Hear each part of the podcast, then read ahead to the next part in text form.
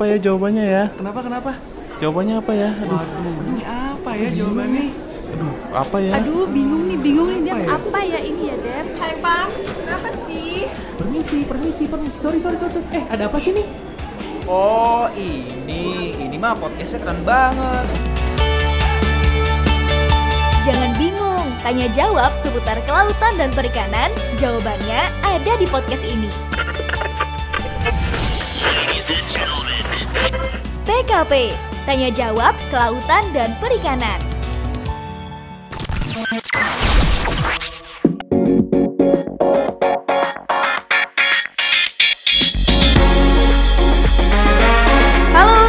Bahari, apa kabar hari ini? Semoga selalu sehat dan jangan lupa untuk tetap menerapkan protokol kesehatan di mana pun kamu berada Karena kita masih sama-sama berjuang melawan COVID-19 ini di Indonesia Semoga selalu sehat dan juga terlindungi ya Sobat Bahari dan BTW, seperti biasa ditanya jawab KKP, Mimin Bahari akan menjawab pertanyaan yang sudah kamu tanyakan di Instagram jadi yuk langsung aja kita pulang. Eh, tapi bukan pulang ya, maksudnya mulai. Oke, nggak lucu, skip. Nah, ditanya jawab KKP hari ini sahabat Bari ada pertanyaan dari @desi2387 Urfa. Pertanyaannya seputar cacing sutra, katanya detail cara budidayanya itu kayak gimana sih Min gitu. Oke, terima kasih atas pertanyaannya Mbak Desi. Mungkin anaknya dipanggilnya Mbak Desi ya, sahabat Bahari. kayak udah kenal lama ya. Oke, lanjut. Jadi memang sahabat Bari budidaya cacing sutra saat ini menjadi peluang ekonomi bagi masyarakat.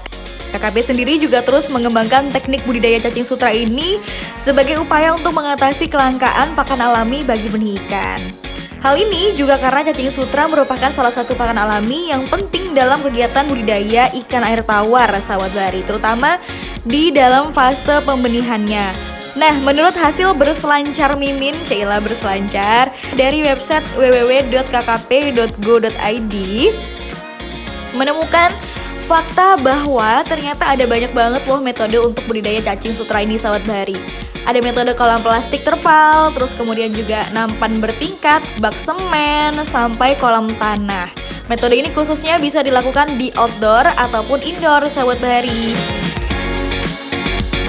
Sedikit informasi juga untuk sahabat Bari di rumah yang mungkin belum tahu apa sih sebenarnya cacing sutra itu. Jadi cacing sutra ini memiliki nama latin Tubifex sp atau juga sering disebut dengan cacing rambut sahabat Bari. Cacing ini merupakan cacing berkoloni yang masuk dalam kelas jenis Oligochaeta dan ukurannya bisa mencapai 2-4 cm. Terus kemudian cacing ini juga hidup di perairan jernih dan juga kaya akan bahan organik. Selain itu, perlu sahabat bahari ketahui juga, cacing sutra ini mengandung protein sekitar 57-60% dan lemaknya sebanyak 13-20% sahabat bahari. Nah, karena nilai gizinya yang tinggi, jadi sangat diminati oleh pembudidaya, terutama untuk mencukupi kebutuhan nutrisi bagi pertumbuhan benih ikan. Cacing sutra juga mengandung banyak vitamin sahabat bahari yaitu ada vitamin B12, mineral, asam amino, serta asam lemak tak jenuh. Wow. Spesialnya lagi, cailah spesial ya, kayak apa gitu kan. Cacing ini tuh juga mudah dicerna dalam tubuh ikan karena tanpa tulang kerangka, terus juga sesuai dengan bukaan mulut larvanya. Nah, masuk ke pertanyaan yang udah ditanyain tadi. Terus gimana ya cara budidaya cacing sutra ini, sahabat Bari? Berikut ini adalah tahapan sederhana budidaya cacing sutra seperti yang telah berhasil diterapkan oleh pembudidaya cacing sutra di Bogor yang juga merupakan kelompok pembudidaya ikan pintu air Bapak Umar Hasan. Tahap pertama pastinya siapin dulu wadah dan juga medianya sahabat bahari. Ya iyalah ya kalau nggak ada wadahnya terus gimana? Terus kemudian penebaran benih dan selanjutnya pemberian pakan hingga pemanenan biomasa. Nah budidaya cacing sutra dengan metode wadah nampan atau tray yang digunakan oleh Pak Umar ini menggunakan sebanyak 96 nampan dan lalu disusun dalam rak secara vertikal Kemudian, sahabat bari, pasang pelindung paranet atau plastik UV untuk menjaga kestabilan suhu, masuknya air hujan, terus juga sekaligus juga menjaga agar partikel lain seperti kotoran atau juga sampah itu nggak bisa masuk ke dalam media tersebut gitu, sahabat bahari. Nah, selanjutnya yaitu pemupukan dasar media yang dapat dilakukan dengan dua cara, yaitu pemupukan dengan mencampur kotoran hewan, bisa pakai kotoran ayam, kambing atau juga sapi gitu ya, sahabat bahari. Nah, tapi jangan salah sahabat bahari karena ternyata ini ada perhitungannya loh ya. Jadi sebanyak 100 sampai 250 gram per meter persegi dengan dedak sebanyak 200 sampai 250 gram per meter persegi. Nah, kemudian ada juga pemupukan dengan cara fermentasi. Medianya itu diberi hasil fermentasi bahan organik dengan perbandingan tanah lumpur sebanyak 80% dan hasil fermentasinya 20%. Dan adapun fermentasinya itu dilakukan dengan cara mencampurkan bahan-bahannya itu sebagai berikut. Dedak sebanyak 30%, ampas tahunya 30%, sayurannya 15%, pupuk organiknya 15%, dan molasenya 1%, terus kemudian fermentornya 1%, dan juga airnya 8%.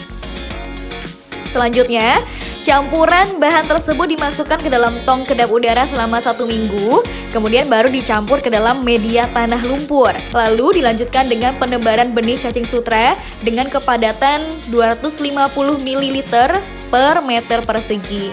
Untuk pemberian pakan sendiri, itu juga penting dilakukan sahabat hari karena hal tersebut berguna bagi pertumbuhan cacing sutra. Nah, caranya gimana sih? Jadi caranya adalah cukup sederhana, taburkan pakan secara langsung seperti menggunakan dedak, sayuran yang telah dimasak ataupun sisa olahan dapur, sahabat bahari.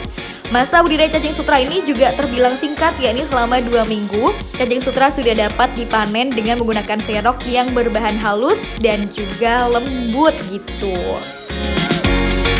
Metode budidaya cacing sutra ini juga tidak memerlukan lahan yang luas, sahabat bari. Jadi untuk kamu di rumah yang kira-kira kayak punya keinginan pengen budidaya cacing sutra tapi nggak ada lahannya, jangan sedih, jangan khawatir karena um, metode satu ini mungkin kamu bisa coba ya, sahabat bari.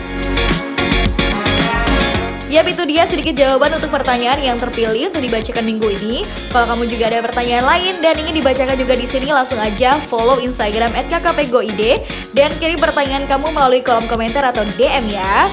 Sekarang saatnya Mimin Bahari pamit, dengarkan terus tanya jawab seputar kelautan yang berkenan yang pastinya bakal update terus di podcast ini. See ya!